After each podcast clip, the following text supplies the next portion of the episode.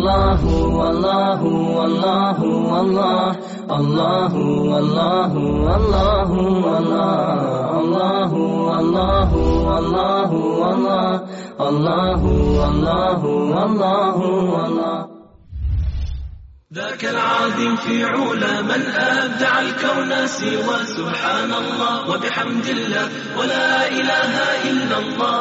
ذاك العظيم في علا من أبدع الكون سوى سبحان الله وبحمد الله ولا الحمد لله رب العالمين.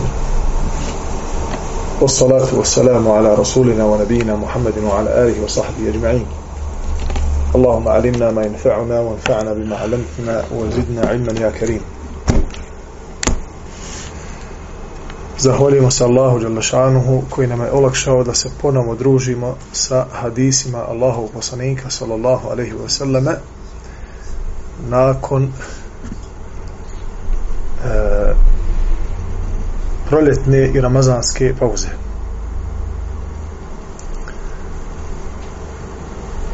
Jer u istinu nakon Allahovog subhanahu wa ta'ala govora kojeg musliman svakodnevno uči u svome namazu u svome virdu svakodnevnom dijelu Kur'ana kojeg prouči kako bi ostao u vezi sa Allahovim Đalešanohom govorom. Nakon Allahovog govora bez imalo sumlje iščitavanje, slušanje i čitanje hadisa Allahog poslanika alaihi salatu wasalam je nešto najvrednije što može ukrasiti život jednog muslimana popraviti njegovo stanje popraviti njegovu grešku naučiti ga nečemu novom e, ukrasiti i ojačati njegov moral njegovu vjeru, njegov iman naučiti ga propisu. Allahove vjere. A jedna od najljepših knjiga koja je napisana o moralu muslimana jeste upravo knjiga koju čitamo od imama Buharije knjiga o Edebu, Edebul Mufred i izabrali smo ovu knjigu da je čitamo jer u istinu čitajući kuransko-hadijske tekstove i uvidjevši koliko moral muslimana, da kažemo, igra ulogu u njegovom životu, koliko je bitan za njegov dunjaluk i njegov ahiret, možemo slobodno reći da čovjek koji klanja noću, a posti danju, neprestano spominje Allaha i Kur'an uči. Međutim, ako mu je moral slab, i ako drugi ljudi osjete zijet od njegovog morala, od njegovog ponašanja, ako je to na nezavidnom nivou, plašit se da sva, sav ona ibadet i one suze i ona iskrenost i učenje Kur'ana i trud i žeđ i glad da od toga nema ništa drugo. Sem da jednog dana to ugleda na sudnjemu danu uvidi koliko je mogao nagrada dobije a zatim se to raspršti dođe jedan po svoj hak, jedan drugi po svoj hak. Pa je moral muslimana i mi to dobro znamo u našoj vjeri veoma bitna stvar, stanica oko koje treba da razmišljamo. Jer kaže sallallahu alaihi wa sallame kako je došlo vjerodostojno da čovjek sa lijepim ahlakom može da postigne stepen klanjača i postača. Klanjača i postača a lijep moral je da drugi ljudi budu sigurni od tvog šerra, lijep moral je da se prema drugima obhodimo na najljepši način, da damo svakome njegovo pravo, roditeljima njihovo pravo, supružniku njegovo pravo, prijatelju, bratu muslimanu, rodbini, komši njegovo pravo, upotpuni smo svoj moral. A najveće pravo muslimana sprem drugog muslimana je da je siguran od tebe da nakon što mu kažeš assalamu alaikum, da to assalamu alaikum bude ne samo jezikom, nego i praksom. Neka je mir na tebe. Zamolio bi te, brate, da nećeš kaš telefon.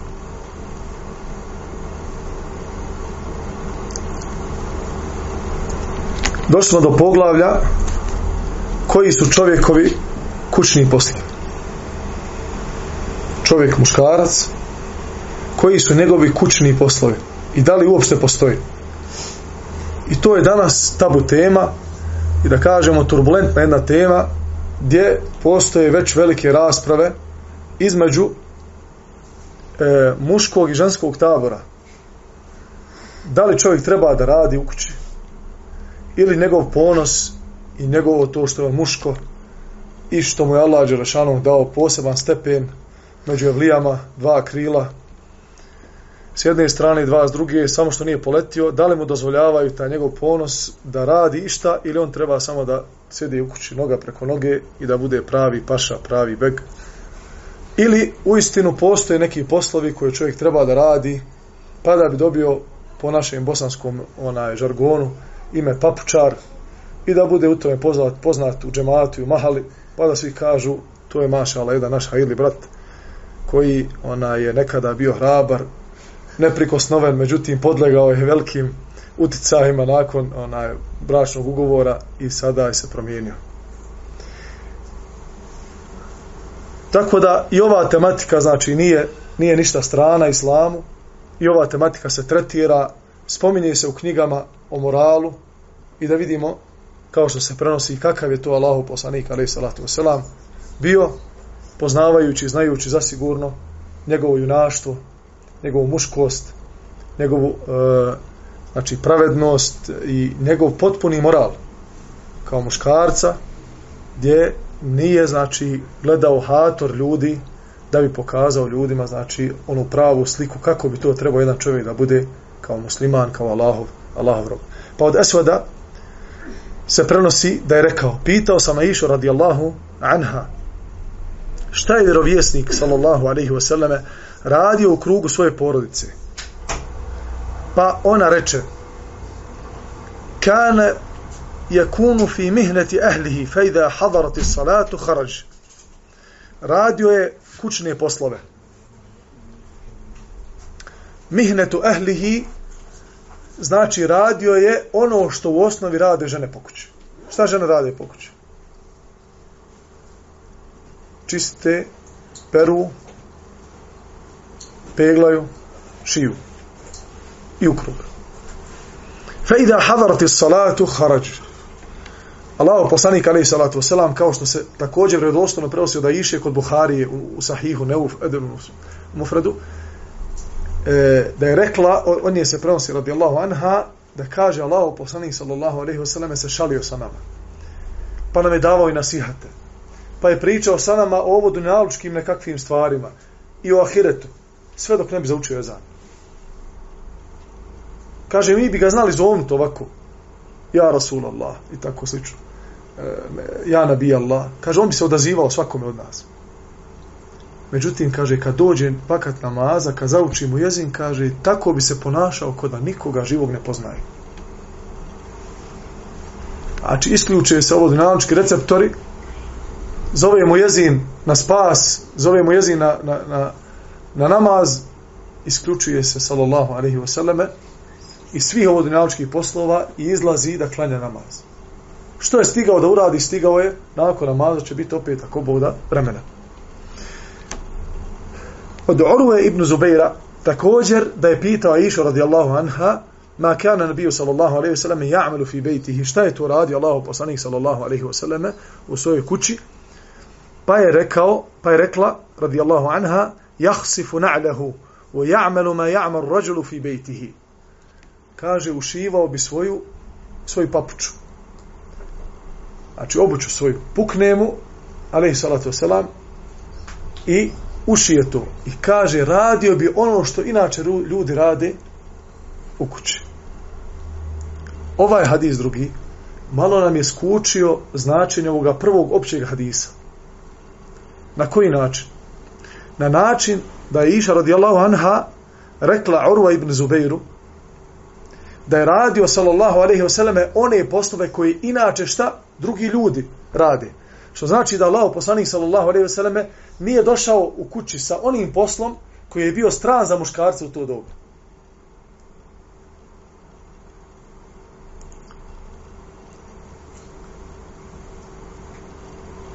Također u trećem hadisu od Orve ibn Zubeira da je također pitao majku pravovjerni a iša radijallahu anha o poslu Allahu poslanika u kući pa je rekla sve što i vi radite u svojim kućama sve što i vi radite u svojim kućama šivao bi svoju obuću krpio haljne i krojio aha znači da postoji nešto što se zove adet muškarca u kući.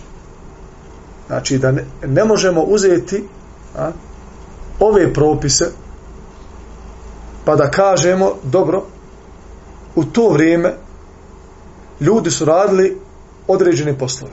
1, 2, 3, 4, 5. Ja kao muslimanka danas, ugledajte se o Allahovi robovi, bošnjaci, šta su oni sve radili u to doba po svojim kućama, pa i vi radite. Ovaj hadis nam otkriva da iša radijallahu anha njegov njen fik u vjeri. Zato što postoji nešto što se zove razumijevanje kuransko-hadijskih tekstova. Ne možemo mi uzeti Kur'an, uzeti ajet i nama kako se svidi. Mi smo ono naučili arapski jezik i nama se svidi jedan ajet i kažu, a maša Allah, šta ja sve shvati? A iz tog ajeta, ono što si ti shvatio, nije shvatio niko do sada, znači, za 1450 godina, nijedan ale, milioni ljudi prošlo ovim dunjalkom. Nikoga nije razumio kako se ga ti razumio. Međutim, Allah Đelešanu je daje posebno znanje, poput nama bošnjacima. I otkriva nam, e, znači, otkrivaju nam se neke znanosti koje nisu otkrivene nijednim ljudima, znači. Pa onda počinjemo da zaključujemo kuransko-hadijske tekstove po našim, znači, novim nekakvim razmišljanjima, maša Allah, onaj poznavajući da smo mi inače poznati, znači poznati onaj e, po, po tome da volimo, znači da inoviramo i da kaže mi čovjek ovako. Ja sam, alhamdulillah, naučio Kur'an na pamet. I meni ni jedan tefsir ne treba. Maša Allah, rekao. Boga, Boga mi rekao, zavidim ti na tom znanju. Otkri nam, rekao, onaj svoje riznice znanja da se okoristimo, znaš. Pa kaže, je li Allah Đelešanuhu rekao za Kur'an da je lagan za učit? I da ga Allah Đelešanu objavio cijelom čovječanstvu, rekao, jeste. Kaže, shodno tome, a, onda svaki muslima, do koga dođe spoznaja Kur'ana, kur'anski ajet, znači neće imati nikakvih problema da razumije, da razumije kur'anski tekst. O, reko, mašallah. Znači, sutra, a, neko primi islam, pet dana, nije ništa znao o islamu, i dadneš mushaf u ruku i on pročita kuranski ajet i on može da shvati reko ono što je Allah Đelešanu htio pa ashabi koji su poznavali arapski jezik kao što mi poznajemo svoje ime i prezime. I ne samo da su poznavali arapski jezik braćo, znate što znači poznavati arapski jezik? Poznavati značenja riječi poznavati e, kontekste Znači, kako se koja riječ upotrebljava u kontekstu određene rečenice, poznavati metaforu, poznavati znači e, stvarni oblik rečenice e, na koji način je izrečena da li ponekada ispuštanje određenog harfa u, u samoj riječi. Mijenja znači ili ne mijenja kirajeti, pjesništvo i oni su znali često doći do Allaho poslanika ali sa to nam kažemo Allaho poslaniče šta je ovo? Šta znači ovo? Šta znači fatir samavati od art mi znamo šta je halik šta je fatir? Pa im poslanik ali sa to se nam objavio. A mi, maša Allah, ne treba nam to. Mi sve znamo. Znači, postoji, a iša radijela, ona imala fik u vjeri. Pa kažemo, odgovara, jer Zube, e, Orva ibn Zubeir se interesuje. Hajde da vidimo šta je to Allah poslanik sam sveme radio, pa da ja radim. Pa mu je fikski odgovorila. Kaže, radio je ono što inače ljudi rade. Znači, nije došao sa nečim drugačijim. Šta su ljudi radili, Allah poslanik nije htio da poštovao je adet. I adet je, braćo moja, znači, e, običajno pravo, običajno pravo je utemeljeno u islamu, kao dokaz. Sve ono što se ne kosi sa šarijatom, sa osnovnim načelima šarijata, a zatekneš u narodu kojim, kojim te Allah Đelešanu, znači, dadne da se tu rodio, da tu živiš, a musliman se drži se šarijata, sve ono što se ne kosi sa šarijatom, ti upražnjavaš i ne, ne kosiš se sa svojim narodom pa da vidimo šta je, šta je to, na primjer, kod nas u Bosni, šta je običaj kod ljudi da radi. Ja ne govorim određenu skupinu malih ljudi koji stvarno zaista ne žele da pomognu, Ali šta je to čovjekovo da radi? Je li čovjekovo da kreći ili ženu da kreći? Je li čovjekovo da, je li čovjekovo da perije svaki dan suđe? Da ujutru pravi dorčak, kaže, možemo li onaj da da očekujemo odgovor od supruge šta želi za ručak, pa da joj doneseš menu. Ili je to otprilike ženo, ali kad je ona bolesna ili kad nema vremena i ovo, onda ti olakšaš joj s te strane, ili kupiš vani, ili ti napraviš, ili se strpiš pa namažeš onaj krišku kajmaka i tako dalje. Znači to ne može se jednom riječu to odgovoriti. Ne može se reći kao što neke sestre na primjer e, uzimaju opći propis i kažu pa dobro, zar nije u islamu, zar nema u islamu jedno poglavlje koje se zove da žena nije obavezna mužu, znači e, bračnim ugovorom, nije obaveza čovjeku da pere i da kuha. Nego to radi ko? Sluga ili rob, rob ili robkinja. U to vrijeme, kad su bili robovi robkine, oni su to radili. Ili sluga se zakupi i on to radi. Žene nije obaveza to. Odgovor na to je da se to da se taj propis tiče običajnog prava. Ne tiče se šerijatskog e, šerijatskog znači suštinskog propisa, da li je to halal ili haram, da dođe poslanik sa seleme kaže e, naređeno je ženi da ili zabranjeno ili pokuđeno ili mustahab. Znači nije sve, braćo moja, ljudi određeni daju fetve fetve i smatraju da je islam se samo sadrži u Kur'anu i Sunnetu. Kad bi kad ti pitao malo o kijasu, a, o analogiji, malo ga o iđmao, o koncenzusu, malo ga o, o istislahu, malo ga o, o, o mes, onaj, e, o nekim drugim meselama koji se tiču onaj e, fikskog prava, kažemo šta je to, to neka novotarija, nije to nikakva novotarija, vrte pogledaj islamski pravnici u prvim generacijama muslimana kako su donosili sud određenim fikskim meselama. Ova se mesela tiče običajnog prava. Ako je u jednom narodu običajno pravo da kada žena stupi u brak sa mužem, da to podrazumijeva da će ona skuhati hranu, da će ona držati do njegove čistoće, do čistoće kuće i da zato neće tražiti finansijsku nadoknadu da kaže, e, ja sam ovaj prošli mjesec čistila, evo faktura, ono, fiskalni račun. Ili kaže, ja od danas više, ja sam čula za tu meselu, ja od danas više ne kuha, ne perem, Allah je dao svako dobro, robkinja. Ili rob, kakva robkinja, ne robkinja, nema robova. Pa kaže sluškinju, pa ne imam, ne, plata mi je 600-700 maraka, kako ću to da? Znači, ako je, ako je običajno pravo, da običaj jednom narodu da žena kuha, to se podrazumijeva i ne treba to posebno navoditi u bračnom ugovoru. Ja uvjet mi je da, da mi čistiš, ne treba to. Ako je u tom narodu, to običajno pravo.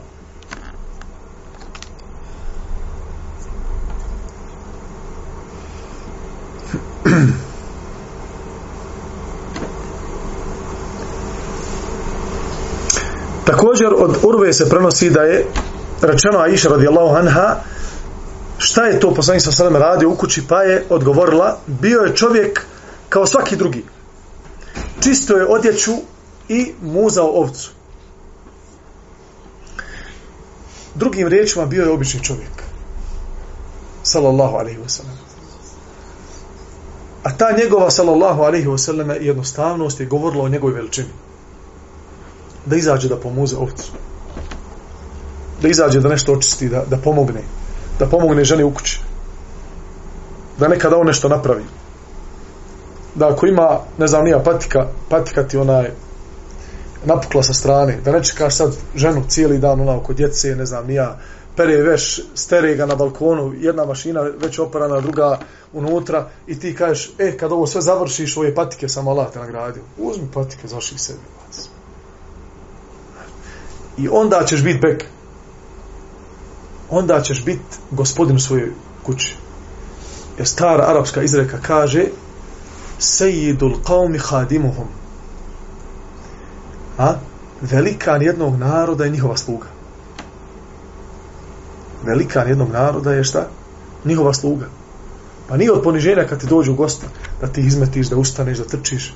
Znači, suprotno od toga. Naprotiv. Ti im pokazuješ svoju veličinu.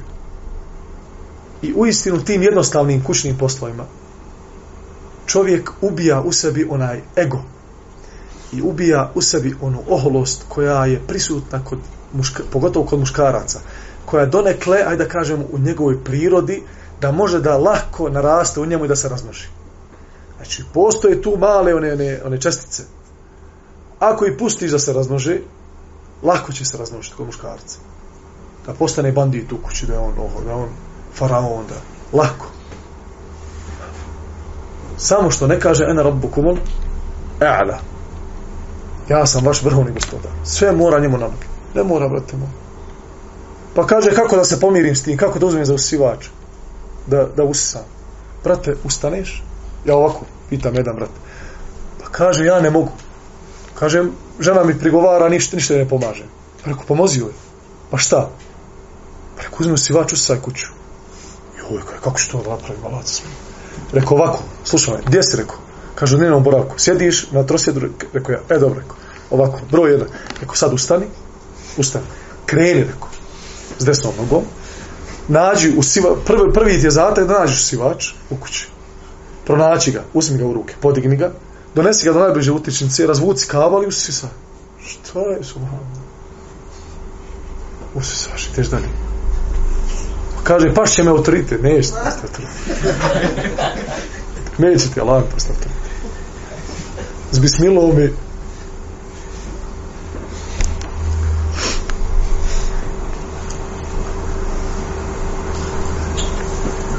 Nakon toga imam Buharija počinje sa poglavljem koje e, naziva sa kada neko zavoli svoga brata neka mu to kaže pa od Mikdama Ibn Ma'dija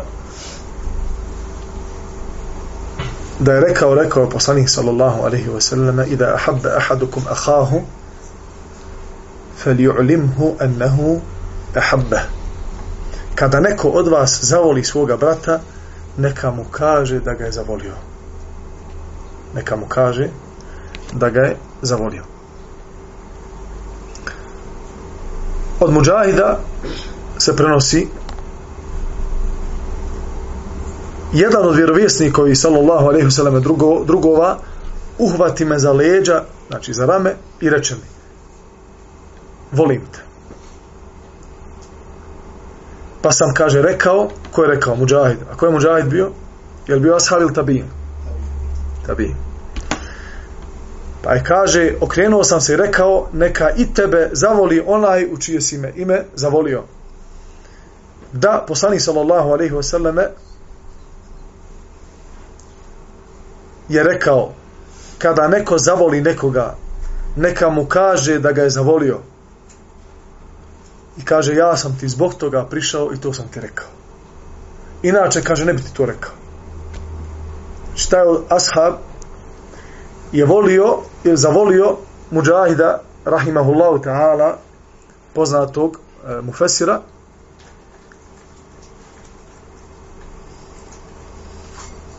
i rekao mu da ga voli. Kaže, to sam ti rekao zato što sam čuo lao poslanika sallallahu alaihi wasallame da je rekao da to treba da uradim.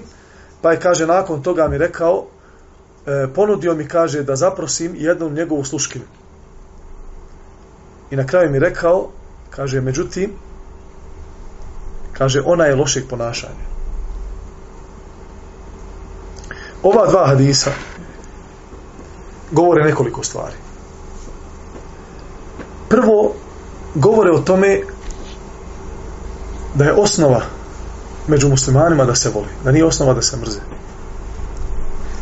I da je jedno od lahkih stvari da muslima drugog muslimana zavoli. I to će uraditi samo onaj kome je čisto srce. Da zavoli svoga drugog brata muslimana samo zbog toga što je on, što je musliman. Pa ovaj ashab dolazi kod muđahida kojemu nije prisni prijatelj bio. I govori mu, ja te volim u ime Allaha Đelešanu. Što znači da čovjek može e, i treba da voli e, u osnovi sve muslimane. ne samo da voli pojedince i da kaže ja imam dva, tri brata, a ovo ostalo Allah zna kako im je stanje. I da preveliku sumnju baca na ostale muslimane koji dobro ne zna. Osnova je, brate moj, u vjeri, da je čovjek Ha? da je čovjek šta? Nevin, da je čist i da je iskren sve dok se ne dokaže suprotno. Znači, ti sada ne znaš nekog brata muslimana. I ugledaš ga, nazove ti selam. Osnova je za njega da je on ko dijamant. Znači, u tvojim očima, tako treba da bude. Sem ako se dokaže drugačije. A dokazati drugačije ne može se dokazati sumnjom. Znači, dokazati, znači imati jasno, jasnu percepciju o kakvoj se osobi radi, da li je prevaran, da li je ovako. Znači, što znači da u osnovi musliman sprem drugih muslimana gleda pozitivnim, pozitivnim očima. Zatim, kada neko zavoli nekoga, nije dovoljno, nije dovoljno da mu to kaže samo riječima. Nego to treba i da proprate ona lijepa e, dijela koja se drugim ljudima sviđaju. A najviše što se čovjeku sviđa, jeste da mu neko priđe da kaže, brate moj, bismila, ovo sam za tebe prijeme da upokloni nešto. To je nešto najdraže sinovima Ademovi. Pa makar to bilo nešto malo. Ako, brate moj, a, imaš potrebu, želiš da te drugi ljudi zavole i da te susreću stalno sa osmijehom i da te dragoga srca prihvate kad god dođeš u društvo, budi darežljive ruke ne mora to nešto da bude preveliko. Ali uvijek nek imaš nekoliko bombona u džepu, nek imaš dva, tri ona mirisa, nek imaš malo bisvaka, kad god prođeš pored nekog vrata, bismila, pokloniš. Neće ti to zaboraviti. Čak, a, to će povećati ljubav između tebe i tog čovjeka. I ako to stalno činiš ljudima i potom budeš poznat, u istinu takvog čovjeka ljudi vole. I ovaj ashab, kad je rekao muđahidu da ga voli, htio je to da potvrdi. S onim što on ima kod sebe. Da je imao bolje dao bi mu. Ali ono što je imao, rekao mu je, ja ti mogu ovo da ponudim. Šta može da mu ponudi? Imao je sluškinu. Kaže, brate, ja sam te zavolio ime Allaha. I došao sam ti to kažem. I hoću da ti to potvrdim praktično. Sa time, što imam jednu sluškinu, koja nije udata. I hoću da je, znači, zaprosim za tebe. Međutim, upozoravam te, ima loše ponašanje. To jest, ako možeš da se nošiš sa njenim lošim ponašanjem, to jest, da imaš dovoljno strpljenja, sabora, vremena, da je odgojiš ti i da je prekališ onako kako bi ti volio da je prekališ, ehlen vo sehlen. Da ti bude supruga. Ako nemaš sabora, nemaš vremena, hoćeš gotov proizvod, hoćeš već da bude to sve sa, sa vitaminima, sa mineralima, znači gazirano, da samo piješ, ne moraš ti ništa mutit, onaj, praviti i onaj, vamo tamo, jer ima, imate ove, ljudi su izmislili sada, prije su bile kahve, kakva je bila kahva. Moraš ti samljeti. Prvo moraš ispršiti. To je naše dovolj, smo mi djeca bili, nema mljevene kahve. Ima mi nas od kilu zelena. I pošaljete nena, kaže sine idi mi kupi kilo minasa. I ti odeš kupiš kilo minasa i čekaš. Prvo se otvori pa se razabere uzmu se one one što, što ne valjaju one što, e, zrnat sklone se stavi se tepsija prži se kava. Miriše kuća mahala cijela. Nakon toga stavlja se kava da se ohladi. Nema ako sad ono odeš zlatna džezva kupiš odmah kući u, u, onaj, u džugog nema toga. Kad se ohladi kahva onda se stavi se u posudu najbolje da bude onaj limena, poklopi se od ozgo i uzmeš jedan lim i kaj sine, eh, sad što znao kupit, melj. I ti melješ, melješ, malo ti dosadi pa premestiš na drugu stranu. Samljeo si, evo ga jedna, jedna tura, jedna česma. I popio se. Pa se onda malo mlijeka, kajmaka, šećera. Sad tri u jedan. Neće više ljudi. Kakav to? Tri u jedan male kestice po dozi, znači po jednoj čaši. Svako ima za sebe. Ne moj ti da se ja ti miješamo, ti moj kahu, ja tvoj. Svako ima, znači, bauštelski. Onaj. To naspijem, vrele vode, ti se vrele vode, svako za se, travu. I onda nema meraka tu, nema beričeta. Znaš, prije se donese tablja, miriše kava. svi iz jedne džezve, filđani, okupljeni tu, pa što, nije kava, brate moj, onaj kofein koji treba da ti podigne tlak, da ti volike oči bude, možeš nastaviti raditi. Kahva je čeif. Kahva je da se ja i ti bolje upoznamo. Kahva je da ti meni možda kažeš neku, neki svoj problem pa da ga pokušam riješiti. To spaja ljuda. Ne kahva sad, tri u jedan, nasuo pa i onda ti on dozira koliko tamo ima onaj šećera.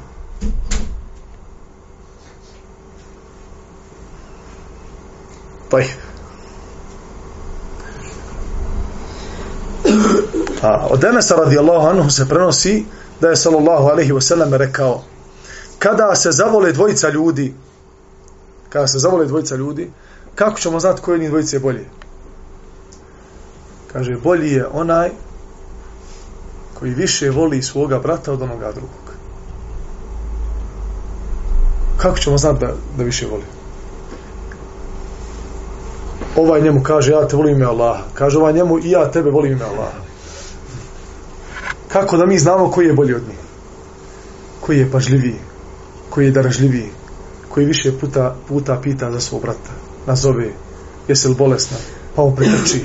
Pa s kraja grada donese mu tablete. Pa ide na pijacu vidi malo voća je bilo ali snižena skroz cijena. Kaže 50% naranđe umjesto marka i pol kaže za pola marke gajbe. Ne kupiš samo sebi kupiš i bratu i nazoveš je, kažeš, brate moj, bilo nekog sniženja, uzeo sam nam po 5 kila na ranđe. A, a ovaj s toga ne sjeća, ali ga voli. Ko je bolji? Onaj koji više pažljiv. Ne raspra poglavlje, ne raspravljaj se ukoliko nam je akšan. Aha, ne raspravljaj se s onim koga voliš niti se o njemu raspituje od Muaz ibn Džebela da je rekao kada zavoliš svoga brata muslimana onda se s njim ne raspravljaj zašto? zato što rasprava udaljava srce kad se dvoje vole, šta rade? Kad pričaju jedno s drugim. Samo otvoraju usta i sve se razumiju. Znate zašto se razumiju? Zato što su srca skroz blizu. Zavolili se. A kad se dvoje zamrze, galame jedno na drugo, a sjede na istoj seći. Metar i pol. Do te mjere da oni, one male pljuvačkice izlaze u, iz usta i udaraju po licu jedne druge. Rafale. I ovaj galami na nju, ona na njega. I na kraju kad završe nakon sat vremena, pita u nju šta si ti rekla. A ona njega pita šta si ti rekao, ja te ništa nisam razumila. Znate zbog čega se nisu čuli. Iako su sjedili metar i pol. Srca se raz... rastavila. Odvojila se jedno srce otišlo istočno, jedno zapadno. Daleko. I onda oni galame da se dovikuju, ali opet se ne čuju. Velika razdana. I onda ako opet dozvoli da priđu ta srce jednom drugom, opet se mogu da razumije da normalno razgovaraju. Zbog toga ljudi galame na druge. Zato što srca raziđu. I u istinu rasprava ostavlja trag duboko na srce. I zato ako nekoga voliš, odmah iskoristi onaj hadis, napusti raspravu, pa makar bio pravo. Pogotovo s onom osobom koja ti znači nešto u životu. Neka tema je bez veze. Dvojica braće, sjećam se dobro, to je bilo prije 20 i nešto godina. Sjeli su na jaciju, posle jacije. Jedan je rekao, treba se ženiti više puta. Znači šta? Dvije žene i više. Ovaj drugi kaže ne treba. I tako su jedan drugom govorili do sabaha. Ovaj govorio treba se ženiti, ovaj govorio ne treba se ženiti. Treba se ženiti, ne treba se ženiti. I raspravljala se tako dok nisu čuli sabahski jedan. Kakve fajde imao te rasprave? Nema nikakve. Pogotovo ako se ljudi, ako se ljudi vole, Znači, onaj ko je prisebni u tom trenutku treba da napusti raspravu da kaže, brate, u pravu. Allah te nagradi. Koliko puta se ljudi ufatili za, za vratove radi vitr namaza? Je li tri rekiate ili dva plus jedan ili može samo jedan ili sve tri bez tešehuda, bez tešehuda prvog ili može ko akšam samo da se uči na treći? Brate moj, to je posao fekiha. Ali kaže, njegov je vitr. Otkud ti znaš da njegov vitr? Pusti. Rekao si mu jedno, ovako sam našao od ovih dokazi, neće da te poslušam. Allah te svako dobro. Sad tebe skinuto, inša Allah, ta'ala. Obaveza. Ti svoje završio.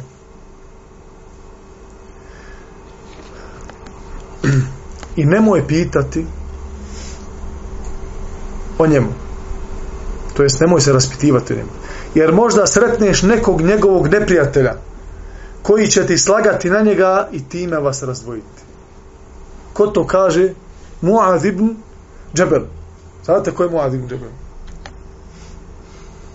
Jedan od glavnih ashaba koji su ponijeli davu La ilaha illallah Muhammedu Rasulullah iz Medine. Mu'ad ibn Džebel. Umet za sebe. Kaže, nemoj se raspitivati. Jedno vrijeme nisi čuo za svoga brata. Otišao negdje, ocelio i ti pitaš za njega o njemu, a ne pitaš njega o njemu. Znači ti njega si zaboravio, nisi ga više zvao. I počeo se raspituješ. Možda će u tom trenutku biti retovom čovjek koji njega ne voli. I onda će početi da ti nešto priča o njemu, što će možda biti istina. Što će u tvom srcu ostaviti trag, pa ćeš ti reći, ovaj čovjek nije više moj pristan prijatelj. A imati danas iskrenog prijatelja veliko blago. Možda ne znaš što danas cijeniti, ali ćeš možda ili sigurno znati sutra da to, da to isto cijeniš.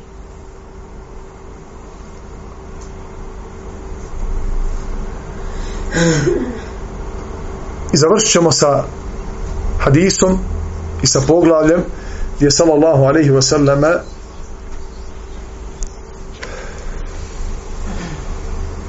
kaže poglavlje oholost. Od Abdullah ibn Amra kazuje sjedili smo sa Allahovim poslanikom sallallahu alejhi wa selleme kada dođe neki beduin obučen u zeleni brokat i stade povrh njega. Zeleni ogrtač koji su nosile glavešine koji se vukao po zemlji. Pa je taj čovjek koji je došao rekao, ovaj vaš drug, misli na, salo, na poslanika sallallahu alaihi sallam, želi omalovažiti vitezove, a uzdići pastire.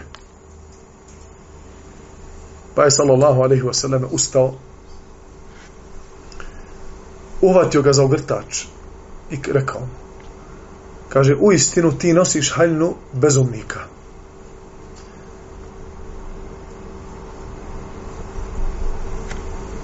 I taj njegov čin poslanika sallallahu alejhi ve selleme on nije htio njega tu da e, da ga fizički napadne ili da mu nešto uradi, nego je vidjevši na tom beduinu seljaku da mu obični vaz neće koristiti osim da on osjeti. Znaš, znate, kad neko dođe u društvo, ti vidiš da on došao tu sa čistim samopouzdanjem, vi ovdje što sjedite, nema od vas ništa.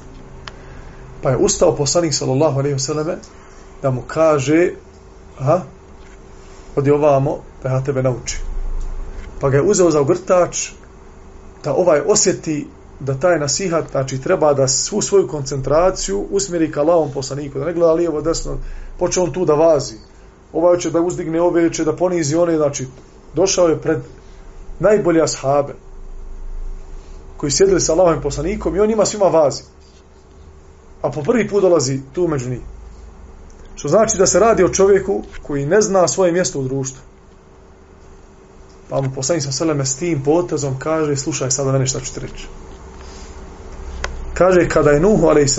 primakla se smrt na postelja. Kada je osjetio da će umrijeti, rekao je svome sinu. Kaže, sad ću ti reći vasijet.